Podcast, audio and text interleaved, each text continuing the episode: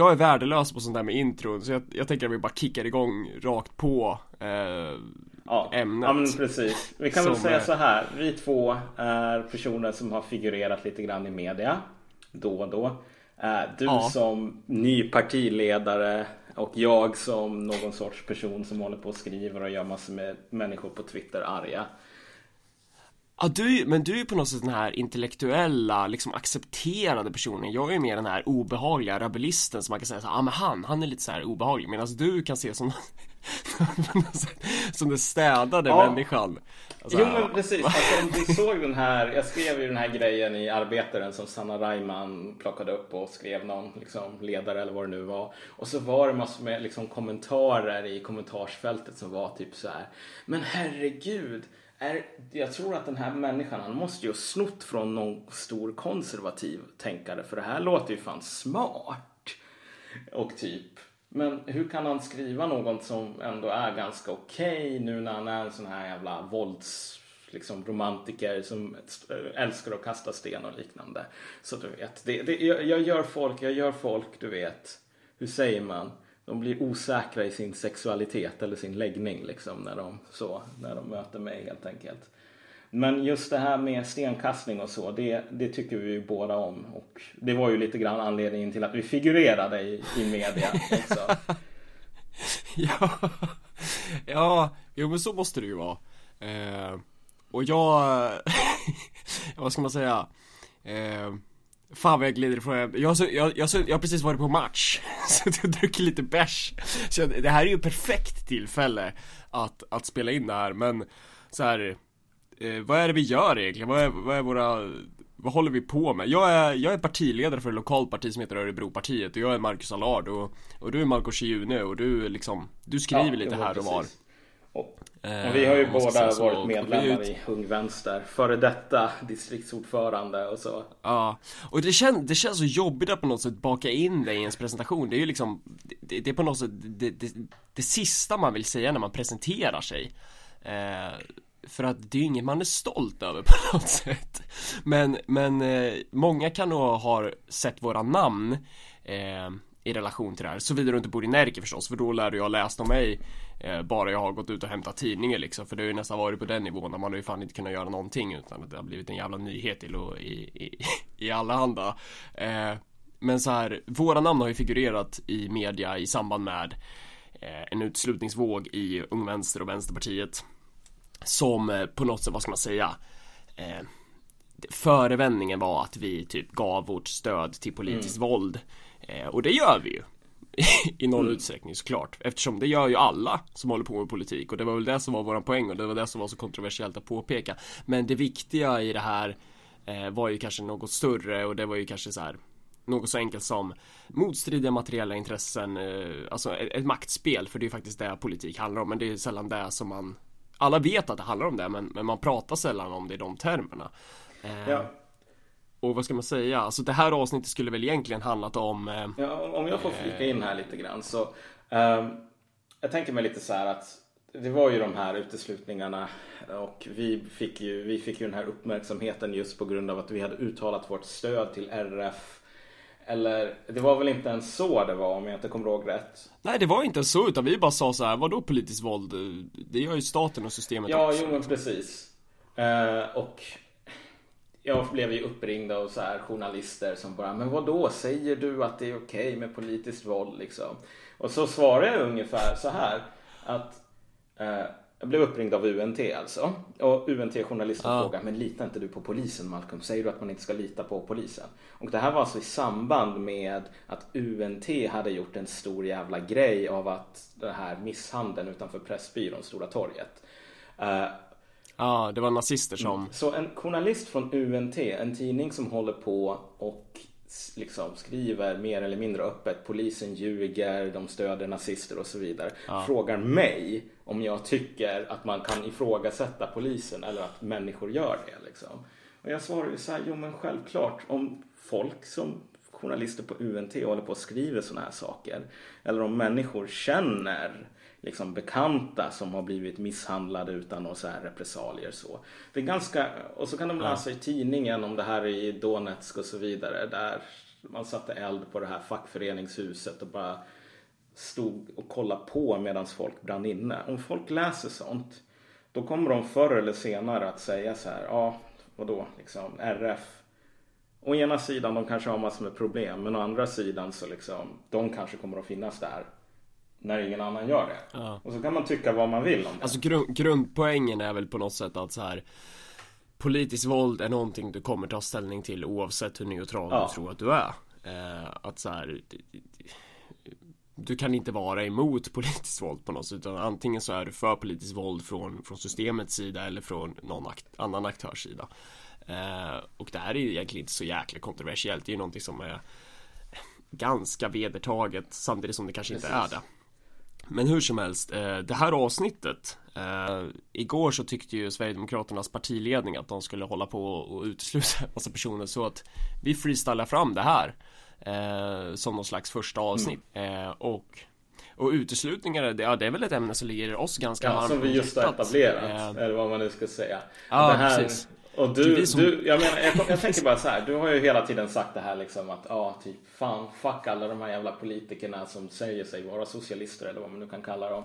Och som håller på och säger, ja. jo men alla typ moderater och liknande, det är våra kollegor liksom. Så de kan man ju inte säga någonting om. Ja. Men jag menar, kanske skulle vi kunna sitta här, bara, jag bara föreslår att vi kan ju kalla de här William Hane och Kasselstrand och alla de där andra som håller på att bli utjagade från ungdomsförbundet, kanske är de egentligen också våra kollegor så liksom. ja, de är, de är Ja, det, det, är de ju och det är ju vi med. Men, men ja. hur som helst. Det som har hänt är väl egentligen så här att eh, Sverigedemokraternas partiledning har bestämt sig för att kapa den ledande kretsen kring Sverigedemokraternas ungdomsförbund och det är William Hane då som har varit figurerar först då, men det är också Gustav Kasselstrand och lite andra namn. Eh, och eh, det det handlar om är väl egentligen nästan en replika på Alltså det som hände, det som hände oss att så här eh, När vi var med i Vänsterpartiet Ung Vänster att Moderpartiets partiledningen klipper folk från mm. ungdomsförbundet Och man gör ju det under en, alltså Man hoppas kunna hitta något ämne som ska liksom skapa väldigt stora rubriker som folk kan bara gå igång på direkt. Eh, men oftast är det ju inte rubrikerna som det handlar om. Och jag tror att många som håller på och läser om det här eh, riskerar att missa liksom vad det här faktiskt säger. Dels om SDU och sen också ja. om SD liksom framöver. Och det, det, är ju en problematik liksom. Vi vill göra en podcast om politik men, men så här, politik idag, vilka är det som pratar politik egentligen? Vilka är det som vi hör prata politik i, i, i media och så? Det är ju så här värdelösa människor som står och kör på intränade läten som inte har så kanske stor insyn i vad det är som egentligen händer. Jag lyssnade på någon sån här direktsändning som Aftonbladet hade eh, eh, och de där personerna som var med där, de hade ju inte riktigt, alltså de, de sa typ så här att Ja men det här handlar om en ideologisk stridsfråga eh, Och enligt den här, enligt de här så var den stora ideologiska stridsfrågan typ hur man skulle profilera sig mm. utåt Alltså det var, det, det, var den sortens så här analys ja, det, där, det där är så himla fascinerande om jag får flika in igen Därför att jag tänker att ja. Problemet med att tala om SD idag är ju liksom att alla alla liksom liberaler, alla goda vänstermänniskor på Twitter tänker ju ungefär så här att det här är Mordor. Och liksom det finns egentligen någon sorts grundläggande, alla, de, alla Sverigedemokrater är typ samma sak. Och det finns något sorts gemensamt projekt och det enda som man kan hålla på att diskutera och hålla på att bråka om det är typ hur man ska ta sig fram. Men det är inte så att folk inom Sverigedemokraterna har liksom samma du vet, stormtrupperna, imperiet, de håller inte på och bråkar internt därför att bråket är ju mellan rebellerna och imperiet liksom.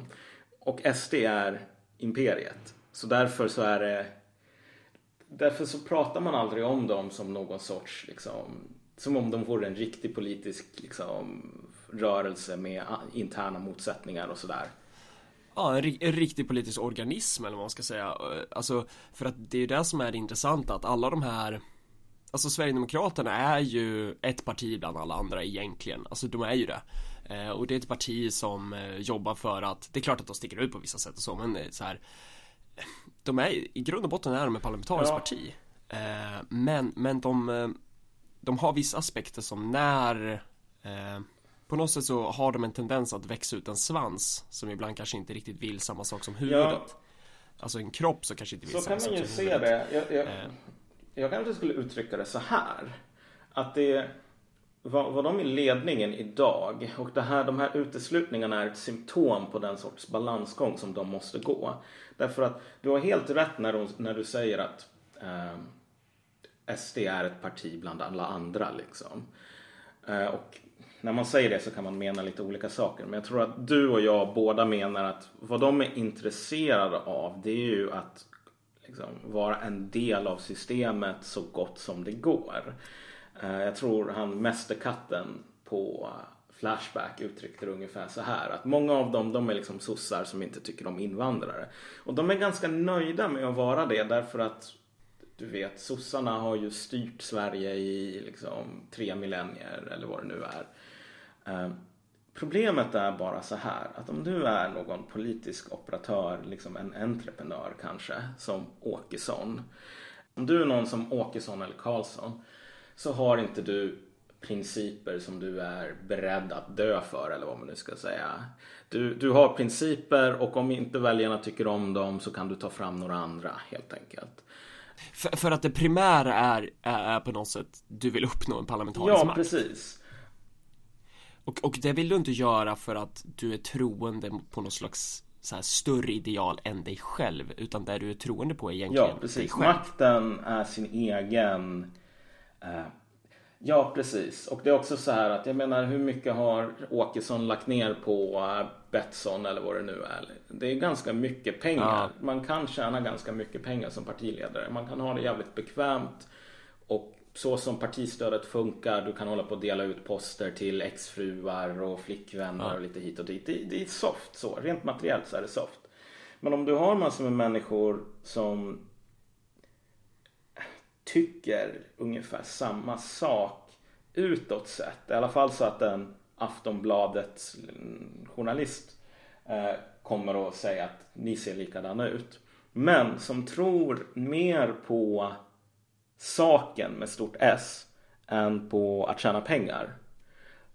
Ofta ja. så klarar du inte dig utan de här människorna. Men det blir liksom ett problem om de börjar ta saker och ting på för stort allvar du vill vara ideologisk mm. att du kan hålla på och säga jo men självklart vi kommer att bygga något nytt fint Sverige och bla bla bla sådär. Rösta på ja. oss. Men du vill inte att folk ska börja ta det på för stort allvar, ta saken i egna händer och så vidare. Samtidigt kanske man kan argumentera för att för jag vill mena på att jag, jag tror inte att Gustav Kasselstrand och eh, William Hane och de här i Sverigedemokraternas ungdomsförbund Visst, de kanske är troende i en högre grad eh, och kanske på delvis någonting annat. Men jag tror också att den grundläggande konflikten här eh, helt enkelt ligger i att de slåss om maktposter. Alltså det är ju det de gör. Eh, och sen vet inte jag i, i vilken utsträckning respektive part är troende. Jag tror inte att så här Jimmy Åkesson och Mattias Karlsson är de mest liksom så här fanatiska nationalisterna om man ska säga så. Eh, utan de är ju mest där för sig själva. Eh, och jag tror också att det i ganska hög utsträckning handlar om det från SDUs sida. Att det är rent makt, ren maktpolitik jag tror, jag, jag, tror att det finns Jag skulle nog ställa upp ett, ett par aber här. Och det är ju att om du ser till den här filmen som de gjorde, den här hälsning till Europas ungdom och liknande. Den var ju väldigt Det var väldigt tydligt. Det här har jag hört många som sa det. Att det, här har vi liksom gammal god liksom, vad ska man säga, fascism igen eller vad man nu ska säga. Här har vi de här idéerna, inte direkt importerade från 30-talet men mer eller mindre, här har vi samma eh, idétradition på, på riktigt. Liksom. Här har vi någonting autentiskt i, i någon bemärkelse. Um, och det är det intrycket som jag har fått. Jag menar Patrik En, eh, Gustav Kasselstrand höll ju på och höll varandra om ryggen och så vidare när det blåste kring Patrik En till exempel. Och det här, jag skulle nog säga att de här människorna i SDU idag, många av dem, de är nationalister på riktigt och de tycker ju inte alls om den här höger eller vänstervridningen som de kallar det inom mm. moderpartiet. Jag skulle nog inte kalla det som håller på att ske en vänstervridning men det där är ju lite av en annan grej. Jag tror, jag, jag tror att man kan säga så här, eh, man får akta sig för, precis som Aftonbladet, de vill beskriva all nationalism som ond. Eller på något sätt, all nationalism är samma. Eh, så jag skulle nog säga att att om, om, du ska, om du ska raka upp två ideologiska fåror i Sverigedemokraterna och dess ungdomsförbund så skulle jag säga att det finns en liksom ideologisk fåra som är eh, klassiskt, eh, alltså härstammar från den gamla goda nazismen liksom. Alltså här e- etnonationalism på något sätt, att du, du, tror på den så här rasen, alltså den biologiska etniciteten på något sätt. Alltså på rasen. Eh, och, och att det sitter i biologin och sen finns det en annan variant som är vad ska man säga, att du ser typ etnicitet eller svenskhet som någonting som du kan konstruera socialt. Mm. Eh, varav jag skulle nog säga att eh, ungdomsförbundet lutar lite mer åt den förstnämnda klassiska varianten som är liksom att eh, nej men alltså nationalismen det är någonting, alltså folkligheten det ligger rent biologiskt. Eh, medan så här Jimmy och gänget, Paula Biler och de här de är mer så här inne på att, ja men svenskhet det är någonting, det är ett socialt kontrakt. Mm. Det är så här, det här är de egenskaperna och vem som helst kan bli det. svenskhet tror jag var konceptet som ja. TS Karlsson lanserade. Eh, och de är, ju, de är ju inte förenliga såklart. In the long run, på vissa sätt kanske de är det. Men det är väl de två liksom ideologiska spåren man kan urskilja. Men jag skulle återigen säga att jag tror inte att det är det som är den liksom springande punkten till det är klart att det är en faktor i den här konflikten men, men man, man gör ofta en eh, de här politiska kommentatorerna på typ Aftonbladet och så vidare de gör ju ofta det misstaget att de tror att det handlar när de säger ideologi så tror de att så, ah, men det här är två läger som bara tycker helt olika saker och det är där de bråkar om. Typ som om det skulle vara en motionstid på en kongress i vänster om hur man ska skriva liksom vilka ord man ska använda ja, för vad. Typ. För, eh. Det var en väldigt bra poäng det där och jag tror att alltså, alla konflikter kan man se från lite olika perspektiv. Och om jag skulle beskriva liksom, vad jag tror verkligen håller på att ske eller tror och tror. Det finns ganska mycket som tyder på det här. Men den här, det, det, som du, det som du sätter fingret på här, öppen svenskhet mot någon annan sorts liksom, etnisk nationalism eller vad man nu ska säga. Det, det är en, en stor knäckfråga.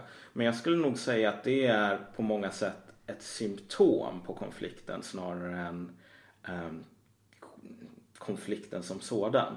Därför att Ser man, ser man på liksom, fascism, ser man på nationalism överlag så har den alltid varit väldigt anpassningsbar.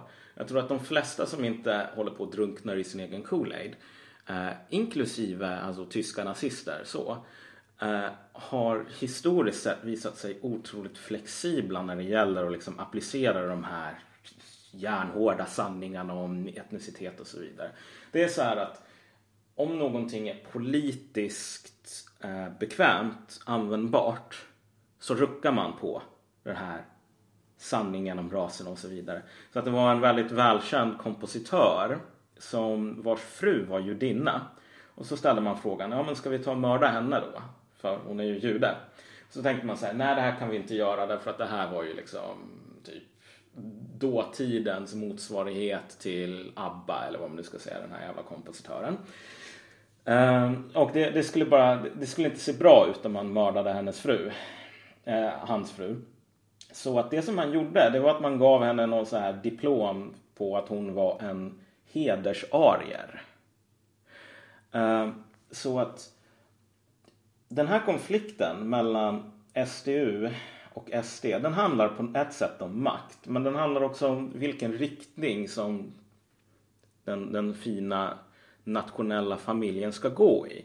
Därför att eh, om man säger så här.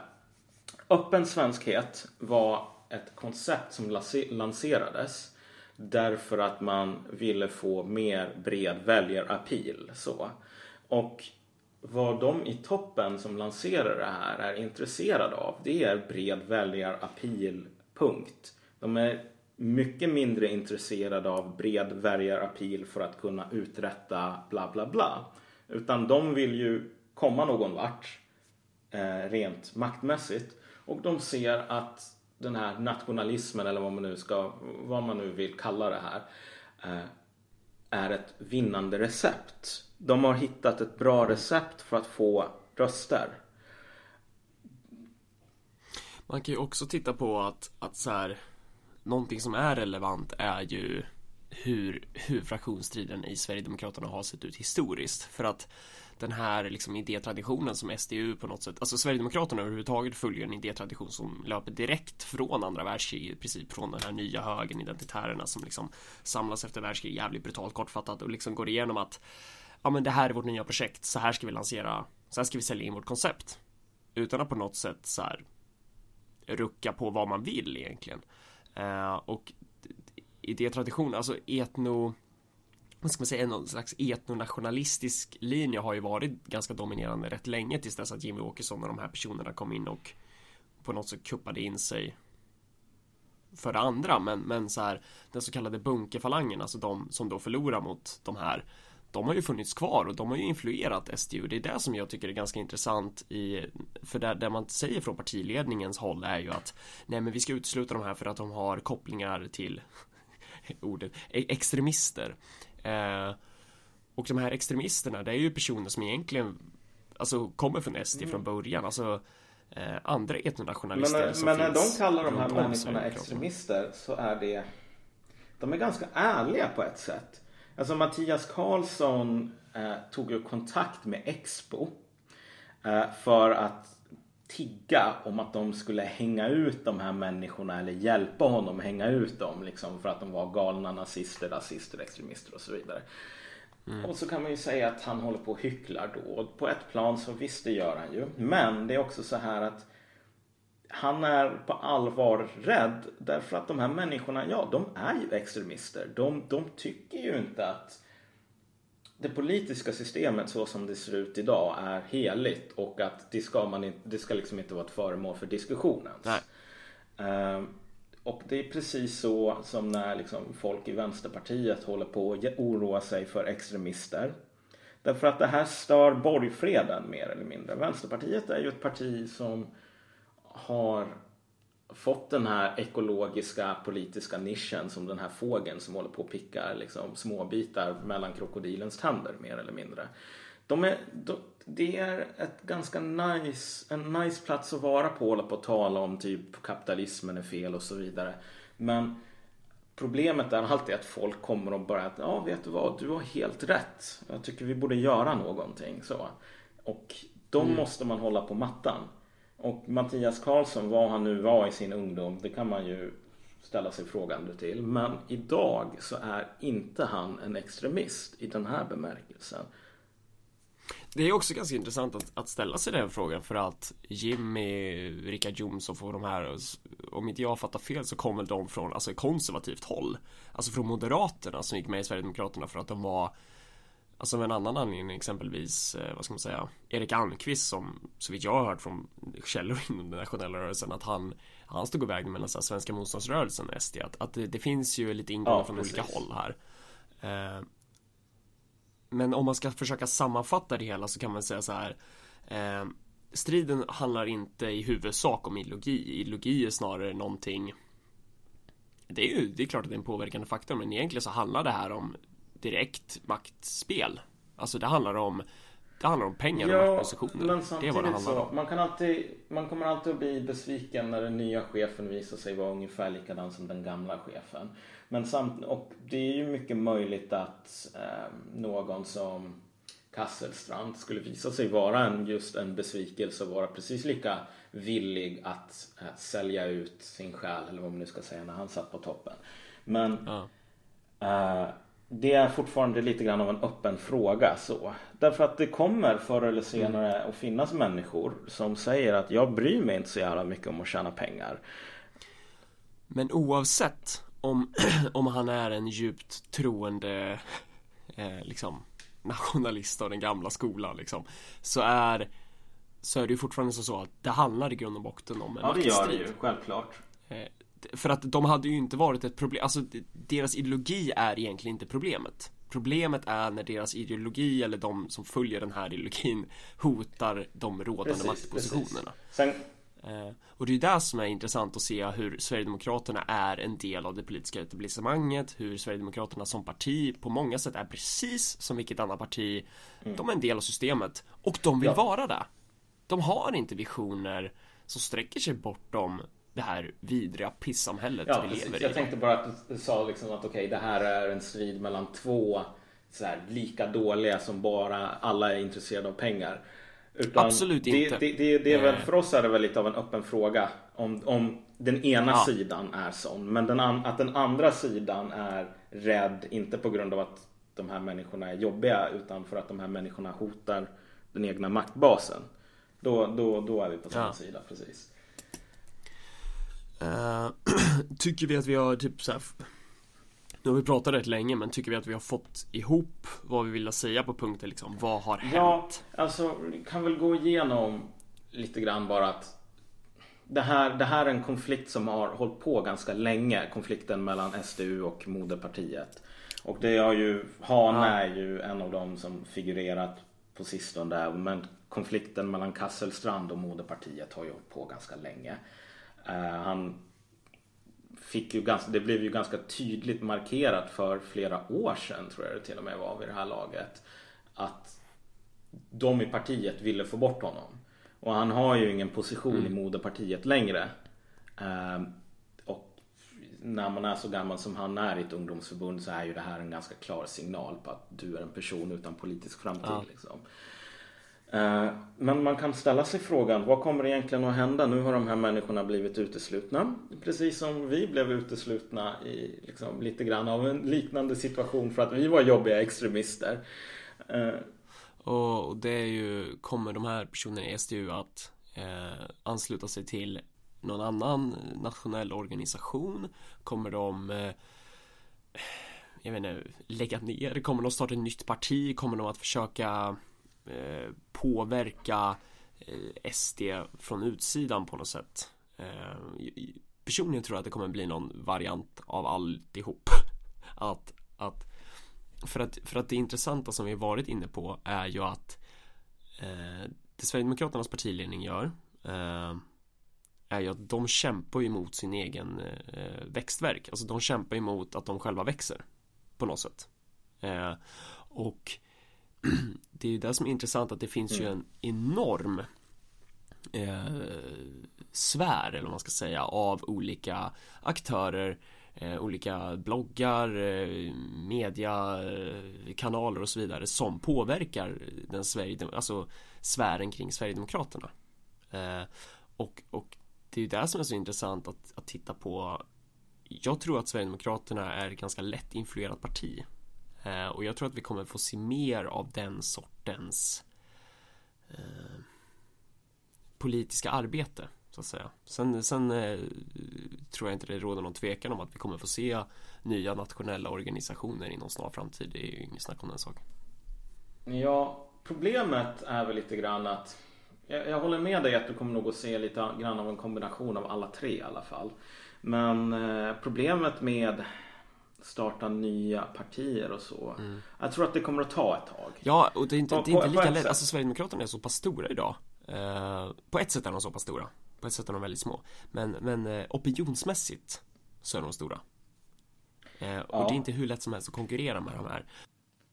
Ja, men samtidigt så är det väl så här att eh, om man ser till det finns två exempel här som man kan tänka sig. Dels om du går tillbaks till historien, dels om du ser till Europa idag så finns det tydliga illustrationer på att um, när det finns ett behov mm. så kommer den politiska kraften mer eller mindre att komma på något sätt. Mm. Uh, behovet kommer att fyllas på något sätt. Marknaden kommer att se till det. Därför att uh, i dagsläget så kämpar ju de nationella i en situation där de är ju fast i det här organisationsträsket. Det finns tusen olika före detta liksom. Eh, det finns den här splittringen, vad heter de, nationaldemokraterna ah. från, från SD och så vidare som var tvungna att lägga ner uh, för inte så himla länge sedan. Och så har du ju nya, nya um, liksom nazistorganisationer som lägger ner och kommer nya och så vidare. Men i ett längre perspektiv så kommer det nog bara att gå sämre och sämre för det politiska systemet eller vad man nu ska säga. För om fler och fler människor om vi antar att fler och fler människor kommer att förlora i det här spelet Hela havet stormar så kommer den här sortens budskap att hitta sin publik. Mm. Jag menar ta, ta två exempel, eller ja, tre till för det är det som är det intressanta. Att deras politik, eh, alltså deras politik i termer av, alltså nationalism, den, är, den kommer bli relevant och mer relevant. Definitivt. Eh, på samma sätt som, som kommunismen eh, förutsatt att dess budbärare vet vad fan de gör. Eh, den kommer också bli relevant. Precis, och det är väl lite så här problemet idag om du tänker dig i Grekland till exempel. Alla seriösa politiska krafter håller ju på med nationalism. Mm. Både Syriza eh, och eh, liksom det här högerpartiet de är i koalition med ja. och eh, Rasistpartiet Gyllene, Gyllene, Gryning, Gyllene Gryning kör ju på nationalistiska, spelar ju på nationalistiska strängar. Det är ju inte så himla konstigt i ett läge där landet mer eller mindre har förlorat sin egen suveränitet. Ja. Och där politiken beordras från Bryssel. Budskap som liksom ligger rätt i tiden finner sin publik. Och organisationen eh, kan följa på det ganska enkelt. Men vi är inte där än och det, det, det, kan dröja ett tag tills vi är där. En annan grej är ju så här, nationalism är ju det är väldigt brett begrepp. Alltså du och jag skulle mycket väl kunna definieras som nationalister. Eh, så här, mina kamrater i Mali, kommunisterna där, de är ju i allra högsta grad nationalister. Eh, en annan grej som, som, alltså när jag snackar om nationalister i det här avsnittet så det är ett slarvigt eh, refererande till eh, ganska många olika företeelser i vad, vad ska man, vad fan ska man säga, Fascio, fascistoida träsket typ. För, för det vi också pratar om, det är ju rasism. Eh, att det kommer vi också se jävligt mycket mer av och det kommer också se, finnas väldigt mycket mer materiella incitament för rasistiska, rasistisk politik, rasistiska rörelser i ett läge där eh, resurserna tryter och eh, den här idén om, ja men vilka är våra egna egentligen, bla bla bla, du vet det där. Och ofta så går de ju hand i hand, eh, men de behöver inte göra det. Jag tänkte, jag tänkte ta, eh, jag har tagit en artikel här som, som, eh, som du har skrivit. Ja, just det, ja, precis. från från S SVT Debatt, den publicerades den, eh, ska vi se, vad fan, det var i valet, det var den 2 september. Eh, och eh, här skriver du liksom om att, ja men det är så här, SDUs ordförande, vänta. Nu orkar jag inte läsa det här men du skriver i princip att så här, det, det, det är mycket möjligt att Gustav Kasselstrand snart gör en Snart ja, gör en alarm. precis. Och ja, på ett sätt så är vi ju där ja, nu. eh, Att ja, nu precis. gör de det liksom. alltså, Jag satt och lyssnade på Motgifts podd om ämnet så igår um, Och Försöker följa så här typ Motpol, lite andra ställen liksom. För att det är, det är väldigt få som gör det idag. Det är väldigt få som bemödar sig om att liksom sätta, in, sätta sig in i, i, i den här idésfären.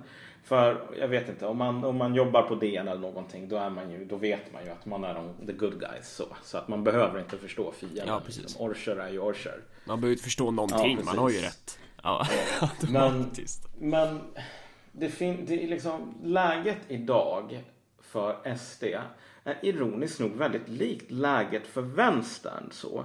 Därför att ju mer tiden går desto mer människor, om vi säger så, desto mer människor finns det som är djupt missnöjda med det rådande systemet. Därför att de hamnar utanför i det här spelet av hela havet stormar. Mm. Um, liksom se på stora delar av liksom resten av Europa, se på världen rent allmänt. Och, och, och där de, de, de ser på Sverigedemokraterna och Vänsterpartiet som de här eller ja, jag vet inte om de gör det på Vänsterpartiet men man kan se Sverigedemokraterna som slags Man sätter ett hopp till ja, det här partiet precis. Tänker att, ja men här är de som kommer förändra eh, Det kanske finns några förvirrade stackare som tror att Vänsterpartiet Ja det finns färre nu men... än vad det fanns 2008 om vi säger så Det tror jag är bara ett faktum Ja, och Och eh, hur som helst ju mer, alltså de här partierna är, är inte skapta så. Det är inte några rörelsepartier utan det är partier som är eh, De är konstruerade av och för en liten grupp helt enkelt. Och vi väl vara jävligt glada för att, för att det är så. På något ja, sätt. men, men, vad ska man säga? Ja, nej men. Ja, det här, allt det som håller på att hända nu är ganska, har ganska stor innebörd för SDs framtid eller vad man nu skulle säga. Eh, det här är ett tecken i tiden eller vad man nu ska kalla det. Därför att de här, den här sortens missnöje som du får när ett politiskt och ett ekonomiskt system börjar knaka i fogarna. Det kanaliseras först till partierna på ytterkanten så som parlamentarismen ser ut. Eh, och man, ström, man går till de här partierna på ytterkanten och så säger man så här, du vet, allting suger, allt är åt helvete, vi måste ändra på någonting. De här partierna oftast har stora problem därför att när man som människor strömmar in så har man inte någon kapacitet att hantera det riktigt. Eh, ser man på SD så de har ju fått in, de har ju växt otroligt mycket och har otroligt mycket pengar eh, jämfört med vad för sorts organisationskapacitet som de har. Ja. Eh, så att det hamnar jättemånga konstiga människor på listor och liknande och så är det, man delar ut allt det här partistödet håller man på att dela ut till kompisar och ja. släktingar och liknande. Och an, en anledning till att de växer är ju för att de är ju det enda partiet på om man ska använda den här analysen på ytterkanten. För Vänsterpartiet är ju inte det. Mm. Det är det som är jävligt relevant att, att komma ihåg. Det är därför Vänsterpartiet inte får samma effekt. Bland nationella så brukar man ju tala om sjuklövern så. Och så placerar ja. man ändå SD på något sätt utanför sjuklövern. Ja. Och det gör man ju inte alltid för att man tycker om SD. Många av de här nationella som har blivit uteslutna eller kanske aldrig varit med avskyr ju i alla fall ledningen så. Tycker att det finns en del bra människor så bland, bland fotfolket men ledningen är jävla sellouts ungefär. Ja ungefär ganska likt återigen synen på Vänsterpartiet bland en del människor så. Att okej, okay, mm. ledningen sellout så, men det finns ändå bra folk bland så här fotfolket, riktiga socialister och allt det där. Uh, ja, jo, jo precis. Nu, nu, är det svårt. Nu, nu blir det svårt att hålla seriös med det här. Men, ja, men, men, men vi, vi, ska inte hålla på och klanka ner allt för mycket på Nej. Vänsterpartiet här. Det är inte vad det handlar om idag. Liksom. Det, det, kommer att bli det, det kommer vi att göra nog i framtiden också tror jag. Ja. Men, men hur som helst. Eh, man kan ställa sig frågan hur länge ett sånt här parti klarar sig. Därför att om du ser den, den, den konflikten som håller på och verkligen hårdnar i SD idag. Det är ju från ledningens sida, de vill ju fortfarande hålla tag i kopplen. De vill ju se till så att partiet inte spårar ur och börjar säga jo men vi ska förändra saker, kosta vad det ja. kosta vill. Speciellt om det nu det här kostnaden blir att partistödet minskar, att Åkesson är tvungen att tjäna som en vanlig knegare eller något sånt så.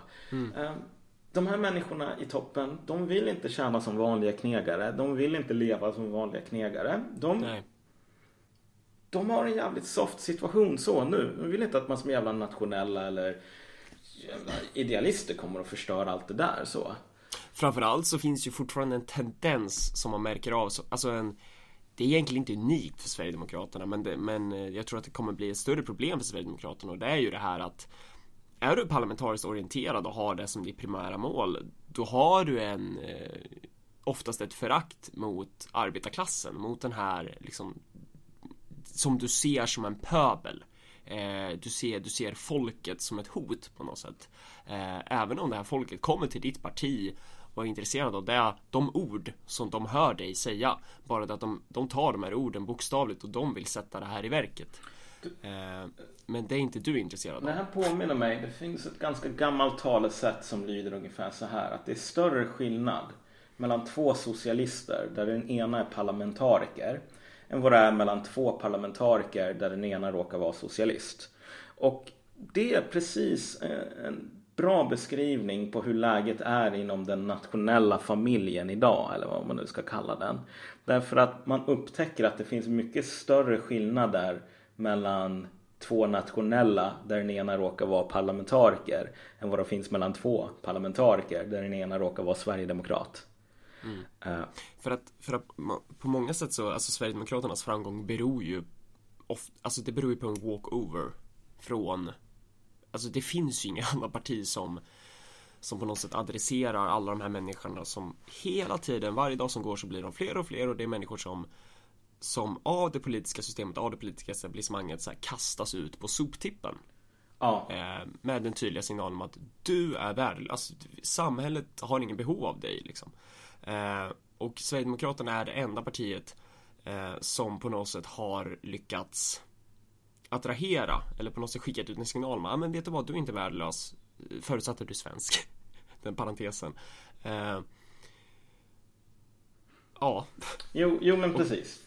Uh, och... och... det hade ju varit en annan grej om det hade funnits ett, ett eh, om Örebropartiet hade varit ett, ett stort parti eller så här om man ska säga om, det hade, om vi hade haft något ordentligt offensivt parti från, eh, från socialistiskt håll eller vad man ska säga från från, från ett antikapitalistiskt håll. Mm. Så. Men det är kanske en off topic, hur som helst.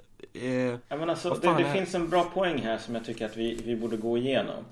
Uh, ja. Och jag sa ju tidigare att jag inte tyckte om det här med, jag höll inte riktigt med när folk liksom beskriver det som håller på att genomgå SD som en vänstervridning. Uh, därför att den här höger-vänster-skalan idag skymmer oftast mycket mer än vad, vad den faktiskt visar. Och det problemet när man ser på typ fascism under mellankrigstiden. Man säger, ja men okej. SD är fascister, nationella är fascister och typ fascister är höger. Då missar man totalt vad fascismen under mellankrigstiden handlade om. Ska man beskriva det som någonting så ska man ju nästan beskriva det som en sorts radikal mittfåra. Därför att vad de här människorna gjorde det var ju mer eller mindre att ta alla de här människorna som hamnade på liksom, sophögen eller vad man nu ska säga.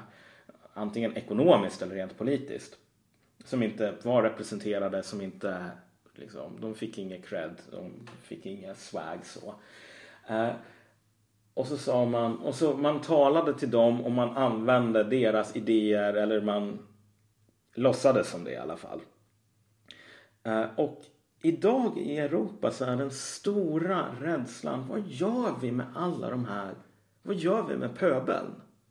Vad gör vi med alla de här arbetslösa, fattiga människorna i Grekland som typ hatar en ekonomisk ordning som säger att Grekland ska vara fast i skulder som inte går att betala tillbaks. Eh, för det är i slutändan så man kan tycka att greker är lata eller så vidare. Men det har egentligen inte så mycket med saken att göra. Därför att oavsett om grekerna är lata eller inte så är de idag fast i ett läge där de skulderna som de har går inte att betala tillbaks. Precis som Tyskland var efter första världskriget. Det, det är omöjligt, rent matematiskt, logiskt, att kunna betala tillbaks de här skulderna.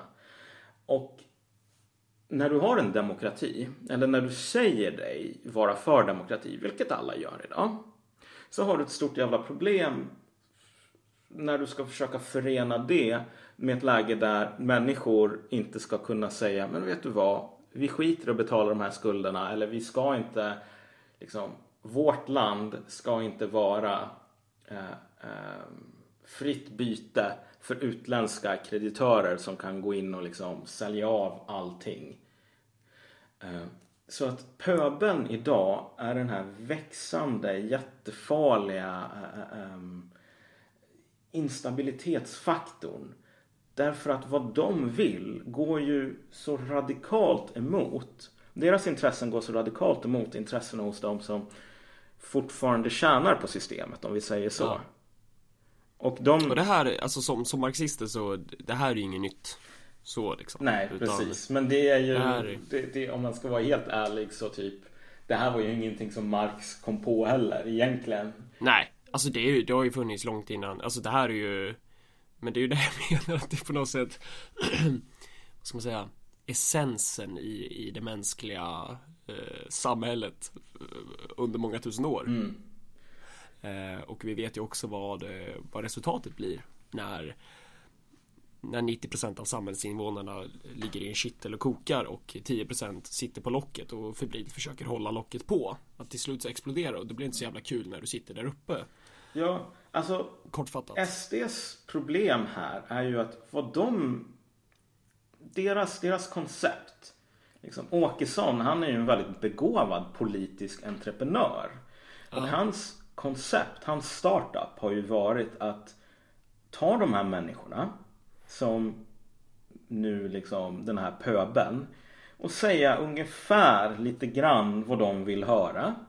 Och bara kunna profilera sig mot sjuklövern så. Mot alla andra. Men den, den, den, den motsättningen liksom, i det ligger ju i att han är ju i slutändan en del av den här sjuklövern. Ja, exakt. Han, han, är, han är inte han står bara i motsatsförhållande till den rent retoriskt, polemiskt. Ja. Men han står i motsatsförhållande till sjuklövern för att han ska kunna sitta i samma riksdag som dem. För att han ska kunna hova in samma partistöd som dem. Och så vidare och så vidare. Så att, eh, vad ska man säga? Han är ju en sorts parasit på dagens system i den bemärkelsen att han kan inte klara sig i den sekunden som dagens system bryter ihop. Ja, då är hans politiska projekt värdelöst på något sätt. Alltså, som nationella projektet kommer ju fortfarande vara otroligt relevant. Det kommer ju vara till och med mer relevant i, i en värre krissituation. Men eh, på samma sätt som ett kommunistiskt projekt kommer vara ännu mer relevant. Men han, eh, han kommer ju, han Jimmy Åkesson och det här projektet som han vill driva kommer ju inte vara relevant eftersom han bygger sitt politiska projekt på en parlamentarisk strategi. Oh, oh, mm. Det verkar så nu i alla fall. Jag vet inte, han kanske gör värsta kovändningen om, om några år och så sitter vi här och bara jaha. Ja, det, jag, jag skulle bli väldigt förvånad. Jag tror att det är svårt att lära, alltså det är svårt att vända på sådana skutor. Men alltså jag vill, jag vill återigen understryka var, varför hur stor ja, likheterna är mellan SD och Vänsterpartiet här i just den här ah. bemärkelsen. Jag kommer ihåg det var någon konferens, socialism för 2000-talet eller vad det nu hette. Jag var inte där själv men jag har en bekant som var där som mm. rapporterade att, eh, vad heter det nu?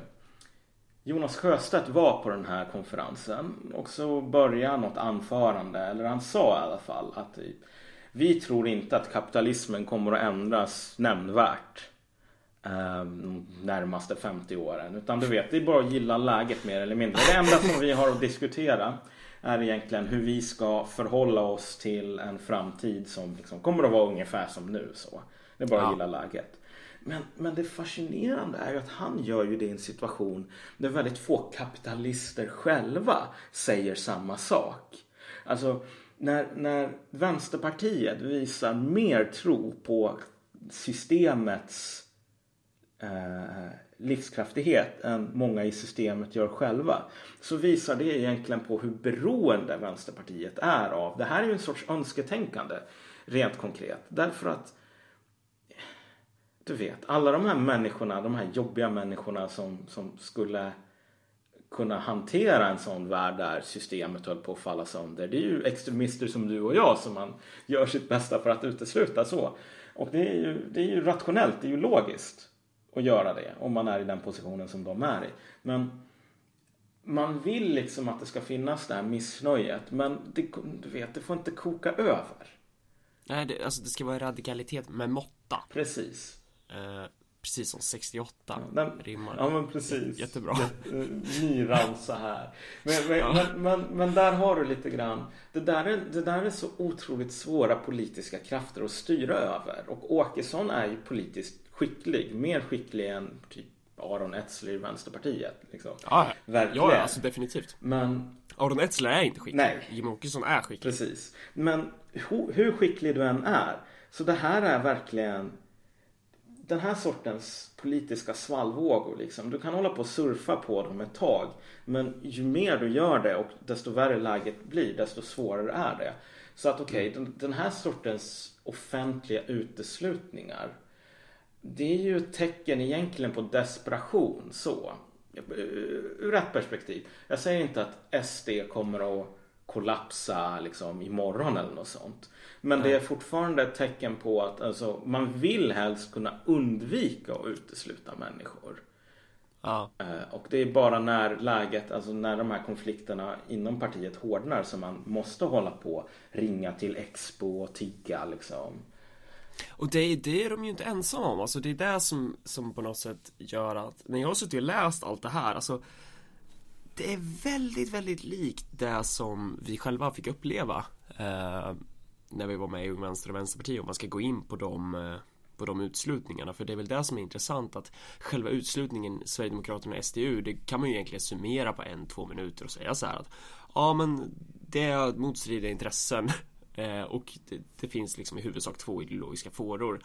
Och sen kommer man inte så långt utan det blir mer intressant att se som vi är inne på att så här att Sverigedemokraterna som parti är en del av systemet och det man försöker stävja är eh, krafter som har attraherats till det här partiet på grund av en illusion om att det här partiet skulle vara emot systemet. Ja. Eh, och när det gäller Vänsterpartiet så skulle jag väl mena på att det är klart att det finns många naiva personer, inklusive mig själv när jag var 17-18 år att jag trodde, att ah, Vänsterpartiet, det är klart att det, det finns ju någon chans via den apparaten. Det finns ju flera personer idag som tror att det fortfarande går att göra någonting med den organisationen som verktyg för en slags socialistisk utveckling. Vi var ju med i Vänsterpartiet, alltså efter tid så insåg vi ju att, att Vänsterpartiet är ju inte på något sätt kapabelt att möta framtidens utmaningar utan det här partiet kommer krackelera, det är bara en tidsfråga när det gör det. Det som är viktigt för oss det är att helt enkelt hitta positioner i det här partiet eh, som gör det gynnsamt för framtida projekt. Att så här, när det här väl brakar ihop, då ska vi vara beredda på att bygga något nytt, eller hur? Mm, ja men precis. Och eh, vi började ju med det här och det, den utslutning som vi blev utsatta för om man ska gå in på det, det var ju att vi, vi lanserade det här arbetet att, att eh, vad ska man säga, vi klättrar i organisationen. Så, så eh, och det är ju ett möte i Örebro som, som handlar om riksdagslistan, riksdagslistans utformning. Eh, där Ung Vänster tillsammans med diverse vad ska man kalla dem? Betongkommunister, så här Good old Sovjet, så Gamla skolans kommunister eh, Tillsammans vinner den här omröstningen och de vill ha mig på På riksdagslistan Så jag Alltså det skulle bli ett utfall av att Jag skulle hamna på topp för Örebro län eh, Vilket hade gjort att om jag hade kommit in i riksdagen Hade jag suttit på en annan position fått massa resurser som vi skulle kunna använt till andra projekt. Eh, och det var ju en strategi, alltså en bred strategi och det finns ju fortfarande personer som tänker så i partiet att man vill klättra upp, få positioner, kunna använda det till till relevanta projekt när saker och ting väl brakar loss. Ja, jag känner en person som gjorde ungefär, hade ungefär samma planer i Socialdemokraterna. Ja, eh, och eh, hur som helst, det som händer då är att eh, partiledningen kommer fram till att det är fel, fel resultat Eh, det, är fel fraktion som har vunnit det här. Eh, så de följer partitraditionen då, inte det här partitraditionen om, om någon slags socialism utan partitraditionen om en auktoritär organisationskultur eh, som helt enkelt går ut på att ja men det här är fel låt som vinner så vi river upp det här resultatet och så gör vi om det. Eh, och så då ska de ha ett nytt möte en månad senare och då Många av de här som röstade på det första mötet då får inte de rösta trots att de visar upp medlemsbevis och massa sådana här grejer, tvivelaktiga grejer som, som för tankarna tillbaka till en annan tid. Och eh, två dagar innan det här mötet, eller om det är en dag innan så så blir eh, jag uppringd av eh, SVT och som har fått ett anonymt tips om att jag gillar Revolutionära Fronten på Facebook. Eh, och det är det som är själva förevändningen då att man använder det för att klippa, klippa mig och, och börja liksom klippa oss. Eh, vilket det blir ett jävla rabalder. Och eh, när jag läser de här grejerna om SD och SDU, alltså så här extremistkopplingar det är, vi måste utesluta dem från extremistkopplingar och de, de jobbar febrilt med det som de själva kallar för fienden. Eh, för att påvisa att deras motståndare, alltså SD-ledningens motståndare är lierade med de här farliga och så vidare. Det, det, det finns så mycket likheter på något sätt. Mm. Men alltså det där, så ser ju det politiska spelet ut mer eller mindre. Om man ja. nu ska om man nu ger upp alla de här illusionerna om att det bara handlar om vem som har bäst idéer på någon sorts idéernas marknadsplats. Så liksom, det där är ju det nitty gritty på ett sätt. Eh, och vi var ju en del av det definitivt. Jag menar det ska man inte hålla på och hyckla om. Men det som, det som fascinerar mig idag när det gäller liksom den låga nivån på någon sorts politisk analys överlag är bara att om du öppnar DN och så läser du liksom något sånt Folk kommenterar det här som om det vore en fotbollsmatch. Och det enda de ser är planen. De ser ja. ingenting utanför det. Vilket gör att man hela tiden gör de här antagandena om att det politiska systemet som sådant, det som vi har idag, det har liksom funnits för evigt och det kommer att finnas för evigt, mer eller mindre. Men så är det ju faktiskt inte. I slutändan, om vi ska vara helt ärliga, så det politiska system som vi lever i idag är en historisk nyhet för det första. Eh, och det har existerat i någon sån här modern form ungefär 60 år. Och det som du ser idag runt om i Europa är väldigt många centrifugala processer som håller sakta men säkert på att slita sönder mycket av det. Mm. Vilket är anledningen till att, liksom, vi, vi talade lite grann om pöbeln innan. När du, mm. när du har en folkomröstning om EU, dess konstitution och jag tror det var Frankrike som röstade nej. Och så har du någon liksom, EU-byråkrat som säger så här, vi får, du vet, val betyder noll. Vi ska inte låta oss mm. skrämmas av det här. Så där har du mer eller mindre, alltså så länge som det enda som folk är intresserade av, att sitta hemma, käka chips på fredag, kolla på Let's Dance. Eh, mm. Så de här konflikterna mellan du vet, demokrati och att rätt låt ska vinna, de behöver inte bli så himla hårda.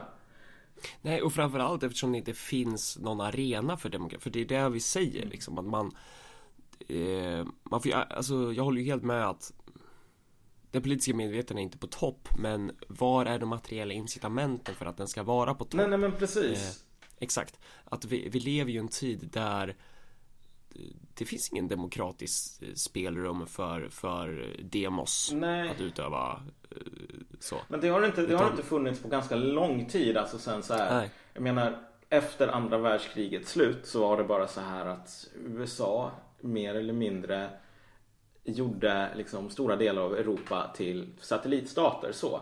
Med massor med amerikanska trupper och liknande. Om du hade röstat typ för att få bort alla de här införa kommunism och liknande. Då skulle man ganska snabbt ha fått se begränsningarna för liksom du vet hur långt demos röst sträcker sig eller vad man nu ska säga. Mm. Men min tidigare poäng var bara så här när allting är lugnt, när du har någon sorts borgfred, när folk kan sitta hemma och kolla på Let's Dance och käka chips. Då spelar det egentligen inte så jävla stor roll att, att du har en attityd som säger okej, okay, demokrati fine men det är viktigare att lätt rå, rätt låt vinner. Men mm. när folk börjar liksom, du vet Som i Grekland ja. när de här inte kan käka chips längre utan vem som helst egentligen måste gå ut på gatan eh, och leta i soptunnorna efter mat och de är vräkta. Mm.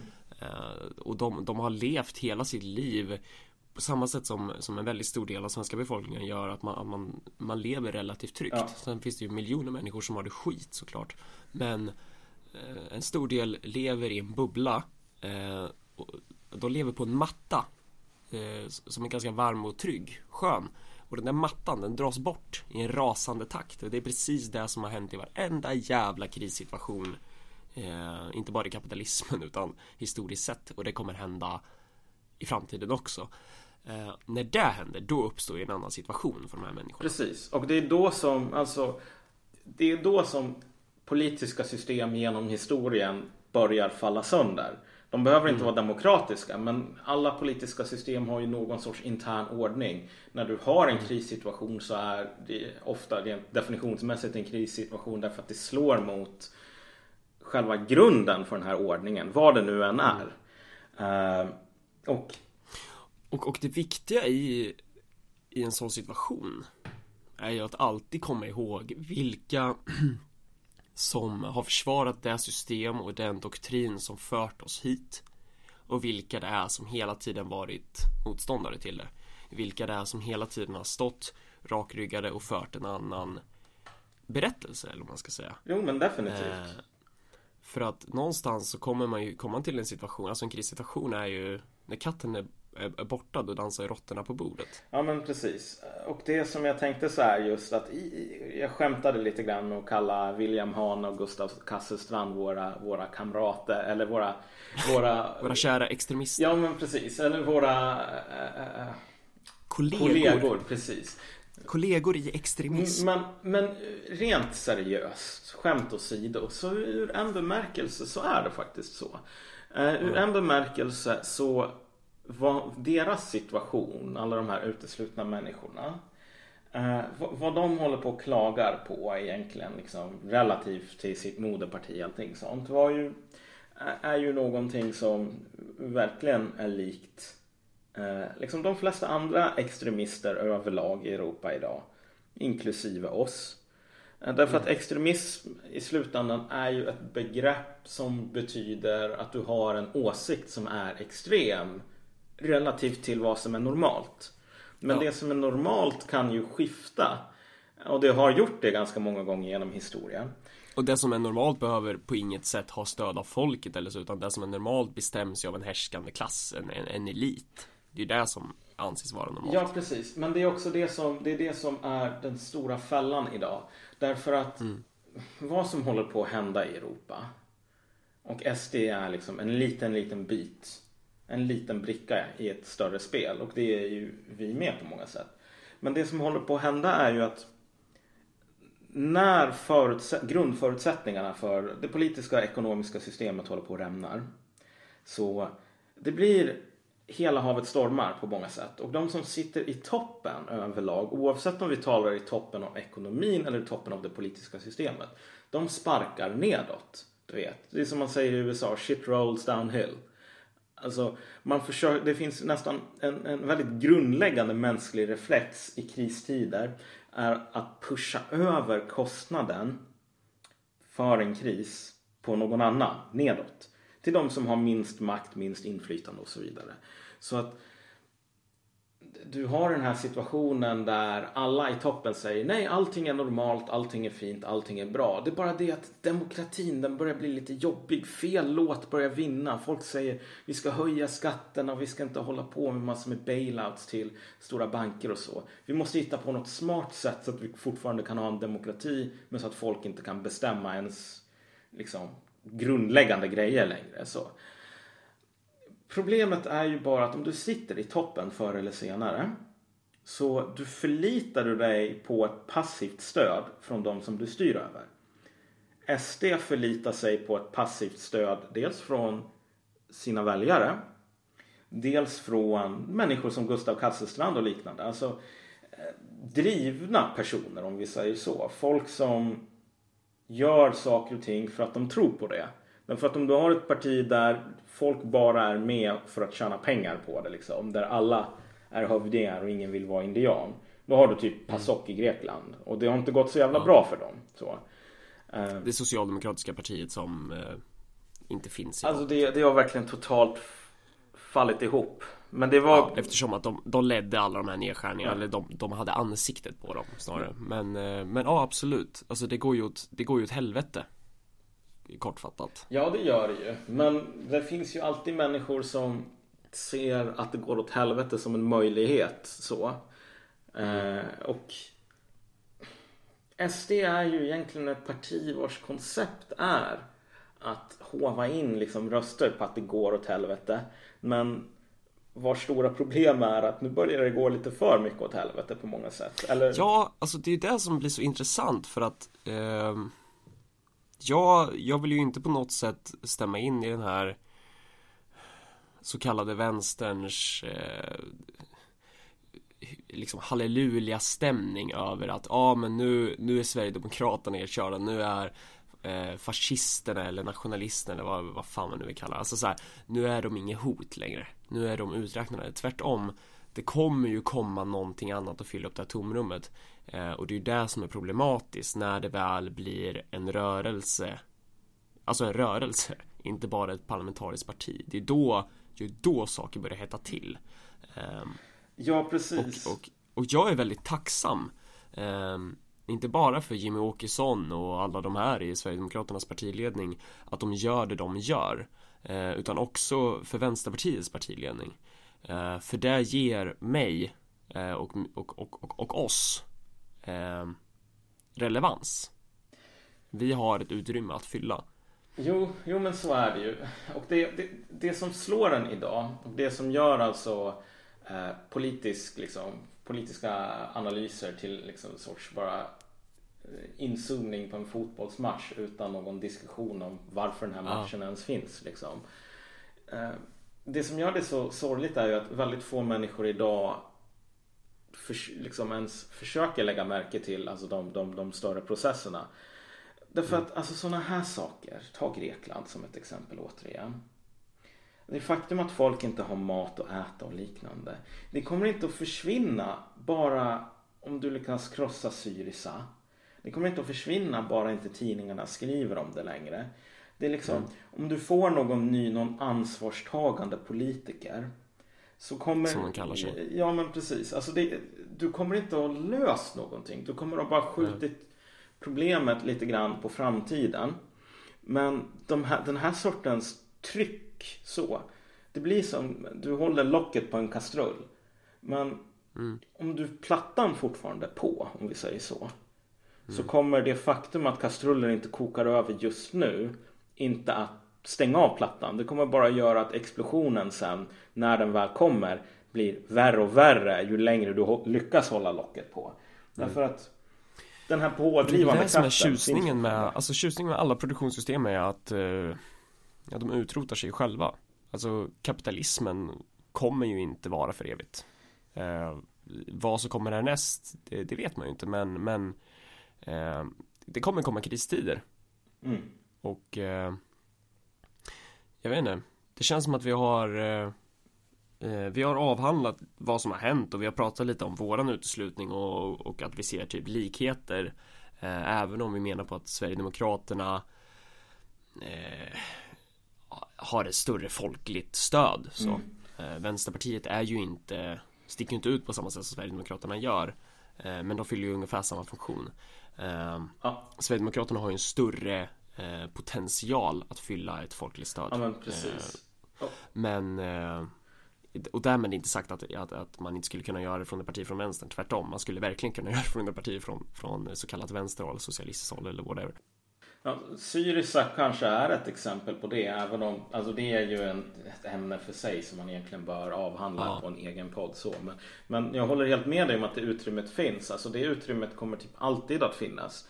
Därför att kan nästan avsluta med det här om det är någon nationell som lyssnar. Jag vet att de läser mycket Carl Schmitt och Oswald Spengler och så. Mm. Och eh, det finns en ganska bra poäng som Carl Schmitt kommer med i eh, Han skrev en bok på slutet av 20-talet. Vem ska man säga Carl Schmitt är? Om, om någon person inte vet vem det är. En, en, tysk jurist gick med i nazipartiet sen liksom. Var en av de Tysk jurist? Ja, nej men han, var, han är ju en av de mest jag ska inte säga välkända därför att hans namn har Intellektuell nazist, eller hur? Uh, han blev ju nazist sen mer eller ja. mindre men alltså Han är i alla fall en av de mer alltså En av de tänkarna, politiska tänkarna med störst profil under 1900-talet även om ja. han hamnade ganska mycket i glömska efter andra världskriget. Men han skrev ju, han skrev ju en bok om just den liberala eh, demokratins kris för att det var ju så som läget var i Tyskland på 20-talet. Men det mm. som han påpekade där var ungefär att det politiska handlar ju i slutändan om hur vi vill liksom människors ideologiska och ibland även fysiska kamp om att avgöra hur samhället, liksom, hur, hur den mänskliga tillvaron ska se ut. Och om du försöker ta bort någonting från den politiska sfären. Om vi säger om, om du tänker dig ekonomin idag. Ekonomin är inte mm. politisk. Säger man ju. Mm. Men mm. vad det här gör är ju inte att den vad ska man säga de här motsättningarna som du har gjort inte politiska, de försvinner inte. Utan mm. de bara sticker ut på ett annat sätt och så blir de laddade med samma jävla agg, samma, vad ska man säga det är ju samma, det är samma effekt bara det att, du, att man säger de finns inte Precis eh, Så att liksom Idag så ha, låtsas man ju som att man har avskaffat politiken egentligen, liksom politik överlag. Ja. Därför att det finns inget mer att diskutera. Vi har den perfekta samhällsmodellen, vi har den perfekta ekonomiska modellen. Och, och sen spelar det ingen roll att eh, liksom arbetarklassens intressen står i motsättning till de som äger företag och alltså Ja, utan nej men man säger bara att alla de här människorna som inte håller med om att vi ska liksom ha samhället ska se ut på det här sättet. De är ju bara tomtar och troll. De är galningar, de är extremister och så vidare. Men låt gå. Ställ, vi kan ställa oss frågan idag. Innebär det här att det finns mindre tomtar och troll nu? Eller att det blir mindre tomtar och troll med tiden? Nej, tvärtom. du försöker definiera bort det här som något liksom ett, ett föremål för seriös diskussion. Men det enda som det leder till är ju att det blir massor med oseriösa människor som blir populärare och populärare och populärare. Och ingen på DNs ledarsida kan förstå varför extremister går framåt så. Men, men i slutändan så du kan inte du kan inte lägga locket på på sådana här saker. Och sättet som man inom, både inom SD men sen inom politiken i stort försöker tiga ihjäl liksom, problemen, stoppa huvudet i sanden och låtsas som ingenting håller på att hända. Det kommer bara leda till mer, eh, mer William Hane, mer Gustav Kasselstrand och mer Marcus Allard. Mm. Ja, det är nog tyvärr så som framtiden kommer att se ut liksom. Mer Marcus Allard. Mer Marcus Allard åt folket helt enkelt. Ja, det, det ska fan, borde fan vara Örebropartiets paroll 2018. Ja, nej men vad fan, du, du vet, det, det, det kanske det blir också. Vi får se helt enkelt.